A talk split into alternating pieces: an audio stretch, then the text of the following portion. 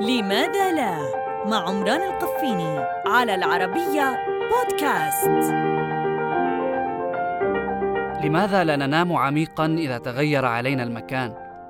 الحقيقة أننا لا ننام عميقا إذا تبدل علينا المكان. التفسير أن نصف الدماغ يظل في حال يقظة كاملة خلال أول ليلة ينامها الإنسان في مكان مختلف. قاس باحثون نشاط الدماغ خلال النوم في ليلتين متعاقبتين. ووجدوا أن جزءا من الشق الأيسر من الدماغ ظل أكثر نشاطا من الشق الأيمن خلال الليلة الأولى فقط وبشكل محدد خلال النوم العميق. العلماء الذين لديهم تأويل لكل شيء أو مقاربة يقولون إن الهدف هو المراقبة بحيث يمكنك الاستيقاظ بشكل أسرع عند الضرورة على سبيل التحوط والحذر.